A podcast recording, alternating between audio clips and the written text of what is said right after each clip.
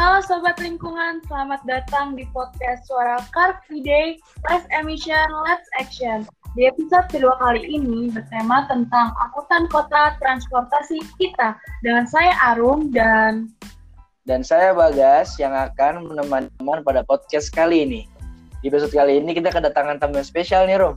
Siapa sih Rom tamu ya? Bintang tamu spesial kita kali ini adalah transportologi. Yeay. Yeay transportologi udah di sini nih bareng-bareng sama kita ya Rom. Uh, untuk lebih lengkapnya mungkin bisa langsung diperkenalkan aja nih dari teman-teman transportologi. Di sini ada Mas Ditis dan Kang Windu. Untuk memperkenalkan diri persilakan Mas Ditis duluan mungkin Mas. Halo sobat lingkungan, uh, perkenalkan nama saya Titis Hafrindu Bawono, bisa dipanggil Titis dan saya adalah co-founder dari Transportologi. Transportologi ini merupakan kanal diskusi berkaitan dengan transportasi. Nah, saya tidak sendiri, uh, saya ditemani oleh Kang Windu Mulyana. Mangga Kang Windu, mungkin bisa perkenalan. Halo Sobat Lingkungan, uh, selamat malam. Saya Windu Mulyana, uh, salah satu anggota dari Transportologi. Kebetulan baru bergabung dengan Transportologi di uh, tahun ini. Uh, biasanya saya juga apa menggeluti bidang keselamatan berlalu lintas. Keselamatan berlalu itu terima kasih. Oke uh, halo Kang Windu halo Mas Titis ya. Ini keren-keren banget ya nih uh, pemateri kita pada hari ini Rum. Bener banget. Langsung saja nih mungkin kita langsung ngobrol-ngobrol santai aja untuk malam ini. Semoga bisa mengedukasi nih Rum ya, mengedukasi teman-teman uh, sobat-sobat lingkungan yang mendengarkan podcast Suara Car Free Day. Ya gitu ya. Mungkin pertama kali aku mau langsung nanya di sini uh, bisa dijawab oleh Mas Idris dulu mungkin ya. Sebenarnya tuh sebagai co-founder juga kan ya Mas Idris. Sebenarnya aku mau tanya tuh sebenarnya apa sih sebenarnya transportologi itu Mas? Oke, transportologi sendiri uh, sebuah lembaga komunitas yang kita tuh inginnya ada komunitas diskusi yang dibentuk untuk mengembangkan diskusur diskursus seputar permasalahan transportasi di Indonesia terutama korelasinya dengan lingkungan, ekonomi, sosial dan politik. Jadi kami berharap itu dari komunitas diskusi ini akan muncul nanti usulan-usulan, solusi-solusi karena masalah transportasi itu tidak hanya diselesaikan oleh transport planner hmm. atau perencana tata kota saja. Hmm. Karena isu transportasi ini adalah multidimensi ya. Harus ada elemen dari ekonominya ada, sosialnya ada, budayanya bahkan ada. Jadi harapan kami banyak warga-warga yang sadar bahwa transportasi itu merupakan sebuah kebutuhan bersama yang masalahnya harus diselesaikan bersama. Hmm, okay. Mungkin itu uh, kegiatan dari Oke, okay, keren banget ya transportologi. Maksudnya aku jadi penasaran sih sebenarnya Rom sama transportologi karena apa ya aku setahu karena semenjak aku berkecimpung di Kementerian Lingkungan Hidup di EMUB aku jarang aja dengar orang apa ya komunitas lingkungan yang bergerak di bidang transportasi ya gitu Rom. Oke, sebenarnya uh, transportasi eh transportasi transportologi ya Mas Idris. Transportologi itu terbentuknya tuh sejak kapan sih sebenarnya? Uh, transportologi ini sebenarnya kalau dari kegiatannya mungkin kita sudah lama. Hmm. Jadi kebetulan saya dan uh, teman saya Sukma Larestiti ini memang uh, saat itu menjadi salah satu pendamping uh, berkaitan dengan kebijakan transportasi di Kota Solo. Uh, kami bekerja sejak tahun 2012 sampai 2015 berkaitan dengan transportasi tersebut dan kami menemukan bahwa permasalahan-permasalahan transportasi itu tidak bisa diselesaikan hanya dari sisi teknis lalu lintas saja. Hmm. Nah, kait dan kaitannya banyak salah satunya lingkungan karena uh, polusi udara dari sektor transportasi itu menyumbang Benar, cukup besar ya di uh, kehidupan kita kehidupan perkotaan kalau di desa sekarang juga sudah mulai iya, banyak betul, ya betul. Nah, semua mengandalkan kendaraan pribadi. Nah, uh, kami berpikir untuk membentuk sebuah kelompok diskusi. Gimana caranya kita ingin mengajak orang-orang terdekat hmm. yang mau memikir berkaitan dengan solusi-solusi transportasi ke depan. Oh, okay. Nah ini susah-susah gampang ya ngumpulin orang mm, yang minat mm, di bidang betul. Betul, betul. Ya, transportasi itu selesainya hanya dengan pelebaran jalan. Semuanya mengeluhkan macet, semuanya tidak suka macet, tapi mereka menjadi penyumbang kemacetan.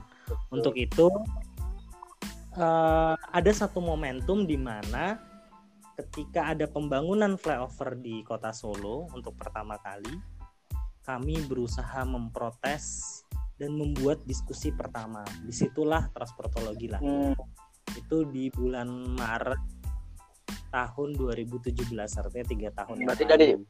Nah, di situlah kami sendiri berkomitmen hmm. uh, untuk oke okay, kita harus bergerak dan mengajak banyak orang untuk lebih mengenal permasalahan transportasi, untuk lebih berkontribusi bagaimana menyelesaikan permasalahannya, dan lebih aware atau lebih sadar terhadap uh, pelayanan transportasi di sekitarnya. Oke, wah keren banget ya Rum. Maksudnya uh, aku tuh mandangnya kirain transportologi berarti itu dari emang kalau berarti udah mulai berperan sebagai studi lingkar transportasi itu dari awal terbentuknya gitu mungkin dari tiga tahun lalu gitu ya mas ya hmm, betul oke okay. Jadi, uh, mungkin sedikit tambahan uh, dalam artian lingkar studi ini kami sendiri juga melakukan beberapa riset hmm, kecil-kecilan hmm. kami karena kami juga pada dasarnya bukan lembaga yang hmm, firm hmm, gitu ya tapi lebih arah lembaga yang bersifat sukarela. Untuk itu di sini juga anggotanya ada saya, Suprastiti, Mbak Septina Setianingrum, dan Kang Windu. Nah ini latar belakangnya berbeda-beda.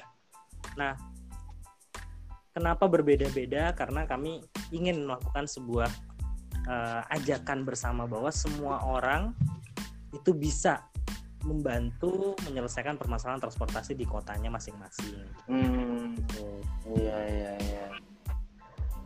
Oke, terus uh, gimana sih maksudnya? Gini loh, aku bingung sih mas, kenapa dari awal itu ada kayak niatan tergerak gitu, ketergerak menjadi wadah diskusinya yang mempelajari dan membahas uh, tentang transportasi gitu, serta kebijakan-kebijakan tentang transportasi. Ya karena mungkin kita gerah ya. Se sebenarnya isu transportasi ini bukan isu yang lazim untuk dibahas iya, betul, oleh semua betul. orang. Yang pertama, populer tapi semuanya hmm. mengeluhkan. Semua bicara, aduh macet, aduh polusi. Tapi uh, tidak ada ya yang bergerak untuk menuju ke sana. Dan saya sebenarnya salut dengan teman-teman seperti gerakan Back to Work atau gerakan lingkungan yang lain yang sebenarnya sudah menyi, merintis gitu lebih awal. Nah, akhirnya kami berupaya untuk uh, ayolah kita tampil di muka publik ya, karena kita tujuannya mengedukasi. Jadi tujuan akhir dari transportologi ini adalah kepemahaman bagaimana transportasi berkelanjutan itu bekerja dan transportasi kelanjutan itu bisa dipastikan berjalan di uh, sebagai kebijakan publik di kepemerintahan oh, kita. Nah, uh, untuk itu kita membutuhkan betul, banyak betul. pihak. Jadi uh, bukan bukan berarti transportologi itu harus memastikan sebuah kebijakan publik dari awal sampai akhir, tidak. Tapi siapa tahu kita ada di ranah yang membuka riset kemudian ada yang melanjutkan atau kita di membantu atau mendukung sebuah gerakan yang memang sudah uh, memiliki prinsip sustainable transport. Oh, wala. Oke. Okay. Wah. uh, sebenarnya harus lebih banyak sih Mas ya sebenarnya uh, masyarakat-masyarakat yang punya uh, pandangan dan pola pikir untuk menggerakkan gitu kayak teman-teman transportologi kayak gini. FYI aja sebelumnya podcast Suara Car Free Day itu bintang tamu kita uh, dari Bike Tour, Mas Bike Tour, terus ada Urban Cyclist juga kayak gitu. Nah jadi uh, ya teman-teman penggiat-penggiat lingkungan ini harus diperbanyak gitu ya Mas. Uh, terus bagaimana sih mas kayak misi-misi atau kayak tujuan atau kegiatan-kegiatan kalian nih teman-teman transportologi? Ya, uh, kami membagi kegiatan transportologi itu dalam tiga kanal ya. Kanal diskusi, uh, salah satunya terima kasih kepada teman-teman Suara Podcast. Ini salah satu bagaimana kita mengajak orang uh, untuk mendengarkan berkaitan dengan sustainable transport itu seperti apa. Ini adalah salah satu jalurnya itu kanal diskusi itu. Kemudian yang kedua adalah kanal menulis. Kami bisa dikunjungi di transportologi.org di sana ada beberapa ulasan mengenai ulasan uh, mengenai permasalahan transportasi dan solusinya. Dan kemudian juga ada sedikit update mengenai kegiatan-kegiatan di transportasi mungkin tahun ini agak oh, sedikit oh. vakum ya selain karena kita punya kesibukan di masa pandemi ini dan uh, lain hal sehingga mungkin kurang update sedikit. Terakhir adalah kanal advokasi. Kanal advokasi ini kami tetap mensuarakan dari masing-masing pribadi karena saya di Jakarta tapi dulu basisnya di Surakarta Sukma Laraseti dan Septiana Septiana Senianingrum hmm. juga di Solo dan Kang Windu Bandung. Jadi uh, kami pisah-pisah daerah tapi tetap punya semangat bagaimana caranya agar sustainable transport itu Jadi, bisa digaungkan. Kalian teman-teman transportologi yang tadi disebutkan dari awal tuh emang udah beda-beda daerah gitu mas? Atau dipertemukannya kayak gimana mas? Ya kebetulan uh, banyak hal oh. semesta mempertemukan kita gitu iya. istilahnya ya sobat uh, saya Marsiti dan Mbak Setia Nastian Ingrum juga ada uh, teman kita Cahaya di Kurniawan yang membantu itu memang kita ada lingkar di oh. mahasiswa dan kemudian di ruang kerja kita satu visi untuk me, apa ya membangun kota Solo awalnya, tapi kita berpikir bahwa transportasi itu tidak hanya kota Solo. Dan alhamdulillah diperkenalkan sama Kang Windu. Tahun kemarin saya ketemu Kang Windu juga. Ketemunya sih udah lama dari tahun 2017 ya Kang ya. Dan uh, kita bareng untuk mm-hmm. mengerjakan proyek keselamatan mm-hmm. sekolah di Bandung. Sehingga Kang Windu juga pegiat sepeda termasuk pegiat keselamatan untuk anak-anak. Jadi uh, akhirnya kita berpikir bahwa ayo kita bergerak bareng-bareng. Wow. Gitu. terus sekali ya.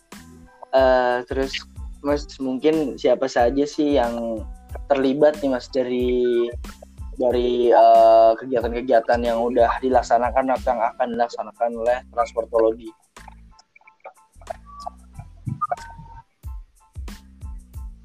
kalau yang terlibat banyak ya artinya dari sisi pemerintah daerahnya pun pernah kita ajak untuk berdiskusi. Kemudian juga juga sering diundang oleh uh, komunitas-komunitas lain yang ber, berdukungan yang mendukung kegiatan transportasi berkelanjutan.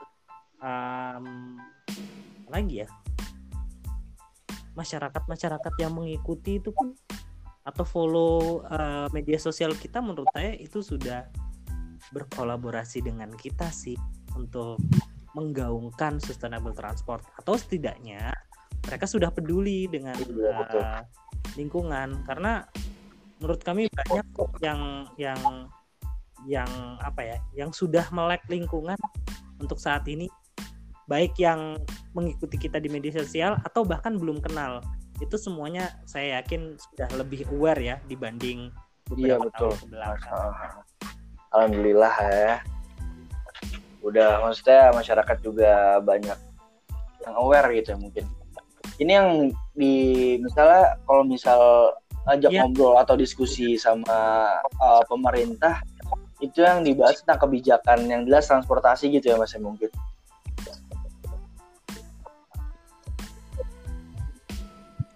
macam-macam ya. Artinya ada diskusi informal Oh. ada diskusi formal. Eh, yang jelas kami eh, tetap memperjuangkan bagaimana caranya agar tidak Iya. hanya ada kebijakan Ah, tapi ah, setidaknya paham dulu kebijakannya. Karena kita jadi kita masih di ranah level bagaimana memahamkan Oh, kebijakan ini gitu. bisa jalan. Iya mereka curhat wah kita belum bisa nih Mm-mm. kita masih punya kendala nih untuk menjalankan kegiatan tersebut.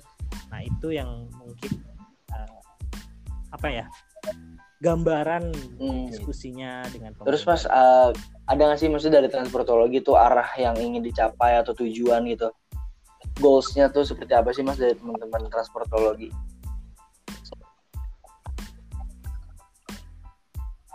tadi mungkin sudah disebutkan ya artinya goals Oh, kami itu masyarakat yang lebih aware sebenarnya oke. masyarakat yang lebih aware Hmm. nah ya yang lebih eh, sadar perihal permasalahan transportasi dan bagaimana mewujudkan transportasi berkelanjutan jadi nggak cranky lagi tuh atau nggak aneh lagi tuh ketika mendengar bahwa ayo kita perjuangkan jalur sepeda mari kita eh, upayakan jaringan jalan trotoar Hmm. yang aksesibel untuk semua karena Hmm. tidak semua orang setuju iya ya betul Mm-mm. Nah, sekarang kita masuk ke pembahasan tentang transportasi sendiri nih Mas Titis. Sebenarnya uh, apa aja sih standar layanan minimum yang perlu diterapkan pada transportasi umum? Karena kan kita tahu ya menjaga kesepadanan harga yang dibayar dan kualitas yang didapat uh, sebagai timbal balik itu sangat penting. Itu tuh gimana tuh Mas?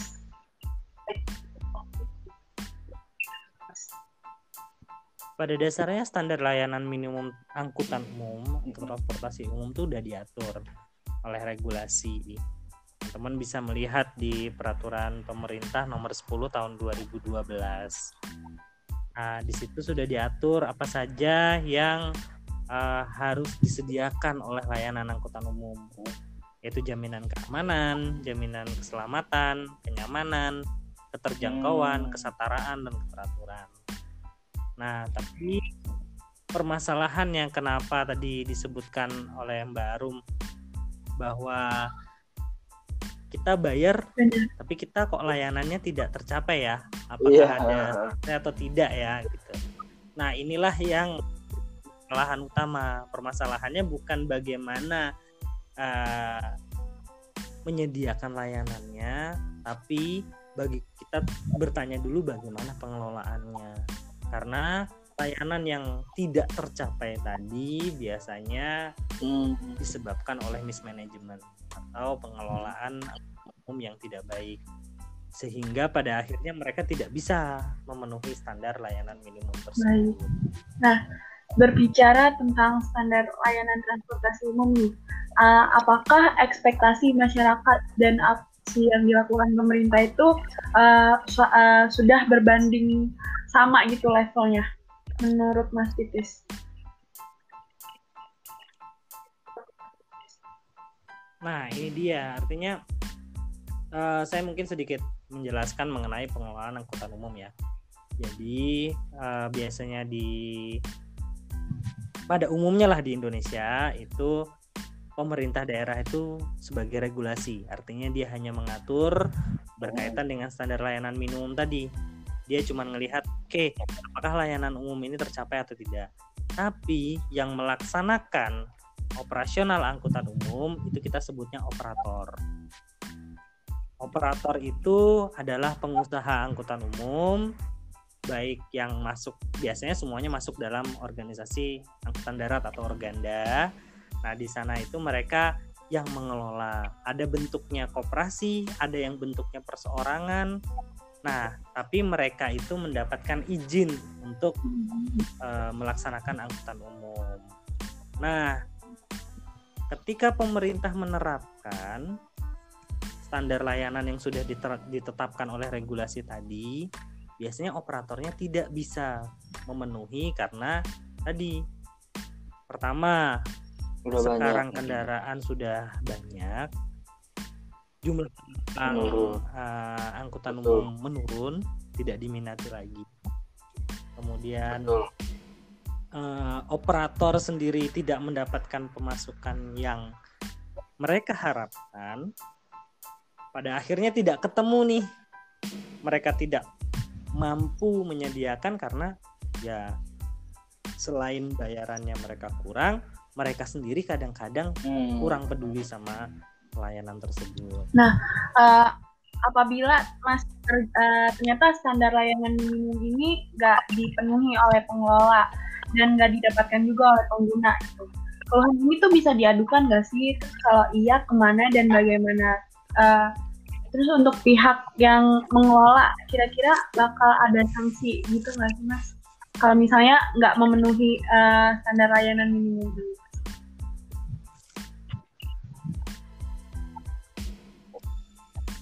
Oke, ketegasan sanksi mengenai uh, standar pelayanan minimum yang tidak dipenuhi ini tergantung dari pemerintah daerah masing-masing atau pemerintah kota masing-masing.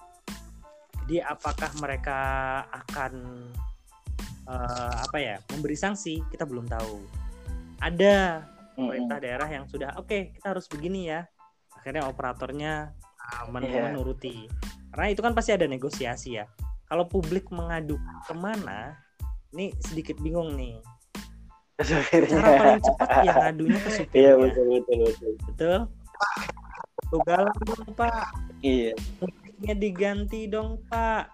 Pak saya berhenti di sini pelan pelan dong pak. Apakah supir mau mendengarkan tentu, hal tersebut betul. keluhan tersebut? Belum tentu. Mereka dikejar orang kondisi panas angkutan umumnya juga sudah bobrok kepikiran anak istri di rumah. Udah makan atau belum juga belum jelas. Sekarang masih kena macet. Orang-orang penumpang turun. Ojek masih saingan dengan ojek daring. Nah itu yang akhirnya membuat pengaduan langsung kepada si supir. Itu tidak bisa dilakukan. Kalau ke pemerintah, balik ke tadi, apakah mereka mau memberi sanksi kepada si operator ini belum tentu mereka bisa karena dalam Undang-Undang 22 tahun 2009 sudah dijelaskan bahwa pemerintah hmm. wajib memberikan wajib. layanan angkutan umum wajib hukumnya hmm. hmm. kualitasnya kayak gimana itu yang yang ya tapi kalau wajibnya mereka wajib menyediakan layanan mereka sendiri tidak berdaya, tidak bisa memberikan uh, layanan secara prima. Pada akhirnya ya bagaimana ya untuk menengahi hal ini? Nah ini yang kita sendiri kesulitan sebagai publik untuk mengadukannya ke mana. Untuk itu uh, kalau dari kami sih, kalau dari kami merasa bahwa uh, jaminan disuarakan ya. ini harus disuarakan bagaimana pemerintah bisa menyediakan atau mengelola agar operator itu bisa menyediakan layanan angkutan umumnya yang baik yang sesuai dengan regulasi contohnya misalnya eh, layanan hmm. angkutan umumnya armadanya kurang baik hmm. kurang nyaman kan dikontrol melalui regulasi eh, batas waktu pakainya. Misalnya dia sudah mele melebihi 10 tahun. Oke, okay. hmm. tolong dong operator ganti. Kalau nggak mau ganti kita paksa loh ya. Ini diganti atau tidak boleh jalan loh ya. Nah, kalau tidak boleh jalan, mereka sanggup nggak mencari operator lain iya, yang sanggup memberikan layanan Nah, itulah penting operat uh, tugas penting regulator. Halte, layanan halte harus baik, harus aman. Itu tugas hmm. regulator, tugas pemerintah daerah. Berarti sebenarnya uh, lebih ke gitu. penertibannya ya yang lumayan sulit uh, dilakukan dengan benar dan baik gitu.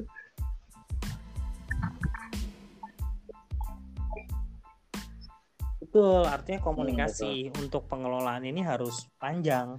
Bahkan uh, mungkin teman-teman perlu tahu bahwa ada yang namanya pendekatan uh, avoid, save, improve. Artinya bagaimana kita mengurangi perjalanan, bagaimana kita mengajak orang untuk berpindah dari angkutan pribadi ke angkutan umum dan improve penggunaan teknologi ramah lingkungan. Nah, kita menyoroti uh, berkaitan dengan bagaimana mengajak orang untuk pindah dari kendaraan pribadi tidak bergantung jadi ke angkutan umum. Jadi kalau mau naik nih uh, pelayanannya, ya mereka harus dipasok oleh pengguna angkutan umum yang banyak. Caranya gimana? Jaringan hmm, iya, trotoar diperbaiki. Keamanan di jalan diawasi Kemudian kita berikan insentif, tarifnya murah. Nah, dengan begitu bisnis bisa betul, perlahan betul kembali betul lagi nih kalau penumpangnya naik, betul tidak? Nah, jadi kalau kita ada kepastian-kepastian layanan tadi, tentunya orang akan memilih opsional. Oke, daripada saya naik kendaraan pribadi, kenapa tidak naik hmm. kendaraan? Yeah. Nah, mungkin Kang Windu itu punya cerita sendiri mengenai Oke, sebelum itu uh, menurut teman-teman transportologi kayak gimana sih ini nasibnya sekarang nih? Sebenarnya tadi udah ada dijawab cuman uh, biar lebih jelas aja ya mungkin Mas. Nasibnya angkutan umum gitu loh Mas saat ini tuh kayak gimana menurut Mas Sitis nih? Hmm, hmm nasibnya angkutan umum ya? Di Indonesia secara keseluruhan atau di di Jawa ibu kota dulu di... mungkin ya mas. Yang padat dulu kita bicarakan kalau nasib angkutan umum di ibu kota insya Allah sudah lebih terjamin ya. Artinya opsionalnya banyak perkembangannya ada, anggarannya memadai, komitmennya ada, ya artinya kita harapkan lah uh, setidaknya walaupun belum prima-prima sekali, ya sudah cukup bagus untuk uh, tataran pelayanan angkutan umum di Indonesia. Dan bahkan uh, beberapa kota ya menetap men, mau mencontoh lah menempatkan mm. ibu kota ini sebagai benchmarknya mereka gitu. Karena kan banyak ya di Jakarta. Ada mulai dari yang paling kecil lah angkot angkutan kota. Kemudian bertahap ada Transjakarta LRT MRT iya iya KRL betul betul. Komplit lah ya jadi banyak opsi, banyak warga bisa memilih, tergantung dari layanan yang dan rutenya masing-masing. Nah di daerah lain ini mas, mas nah, ya benar kota-kota. apa ya kota-kota yang kota -kota padat penduduk lah yang udah mulai macet. Karena di Malang sendiri nih tempat aku kuliah di sana tuh jarang ada angkutan umum gitu mas ajar ada kota umum dan udah mulai macet juga karena bener-bener setiap tahun tuh kota mahasiswa yang masuk ke UB doang ya. UB doang tuh kayak udah lima lima belas ribu kayak gitu. Dan rata-rata semuanya dari luar kota terus bawa bawa kendaraan sendiri sendiri. Kayak gitu sih mas.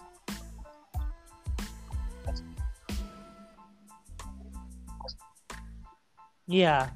Nah, kalau di kalau menurut saya ya itu adalah gambaran salah satu gambaran yang rumit ya. Artinya kita ambil kota-kota besar di mana karakteristiknya beda-beda nih.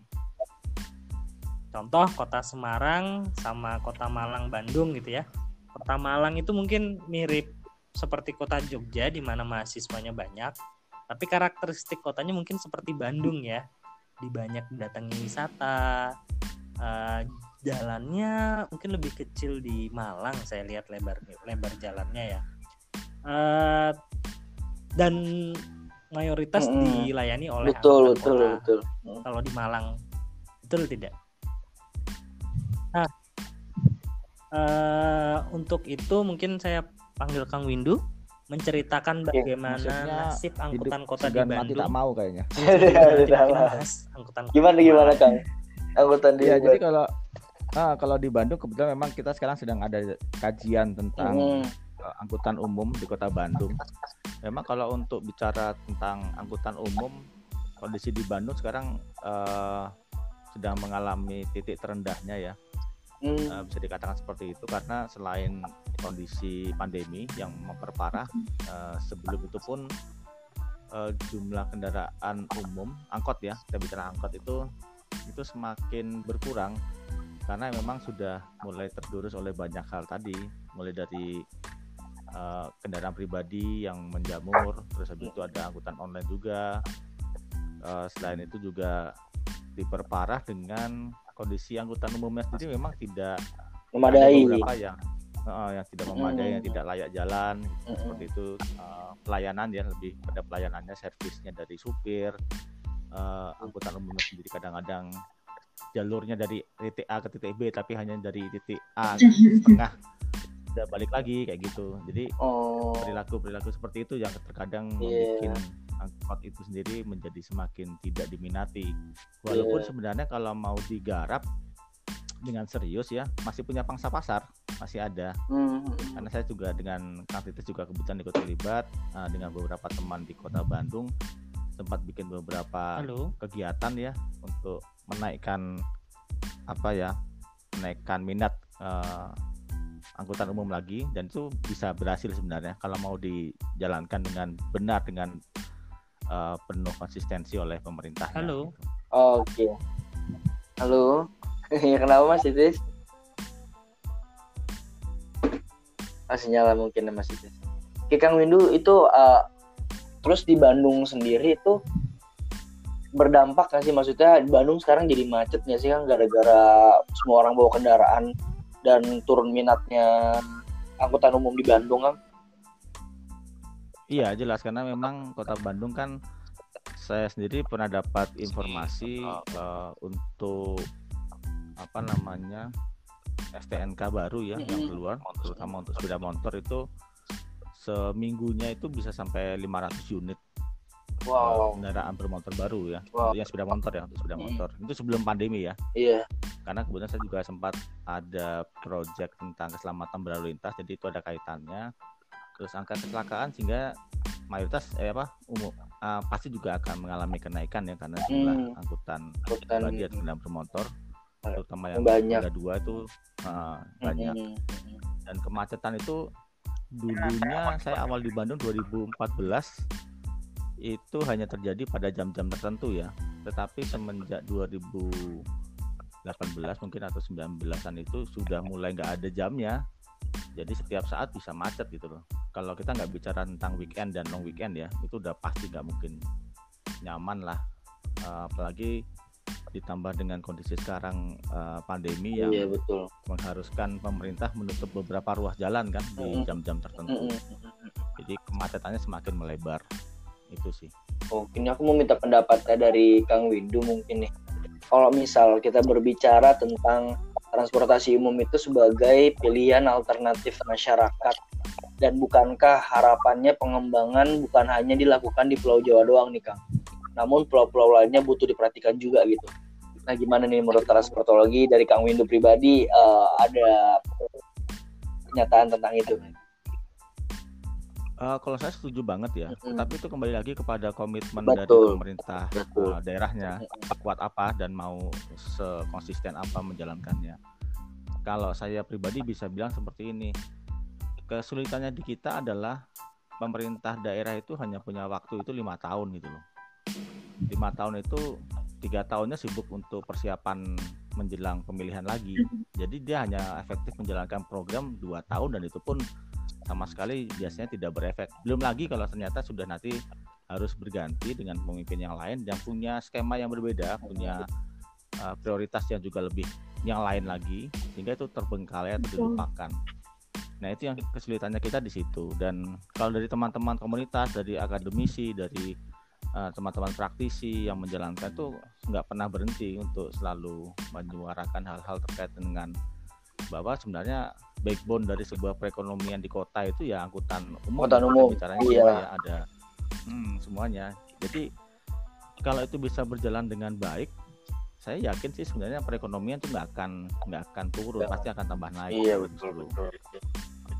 Nah, uh, tinggal sebenarnya kalau kajian terus habis itu apa namanya penelitian dan segala macam terkait hal tersebut sudah banyak banget. Hanya yaitu tadi uh, mau sampai mana? Apakah hanya di atas kertas atau mau dijadikan sebagai sebuah rancangan yang harus dijalankan secara dengan komitmen yang kuat secara konsisten oleh pemerintahnya, pemerintah daerah atau kota atau kabupaten uh, tidak peduli siapa pemimpinnya nanti yeah. gitu. Jadi ada kayak semacam fakta integritas yang harus dijalankan sampai selesai. Mm-hmm. Gitu.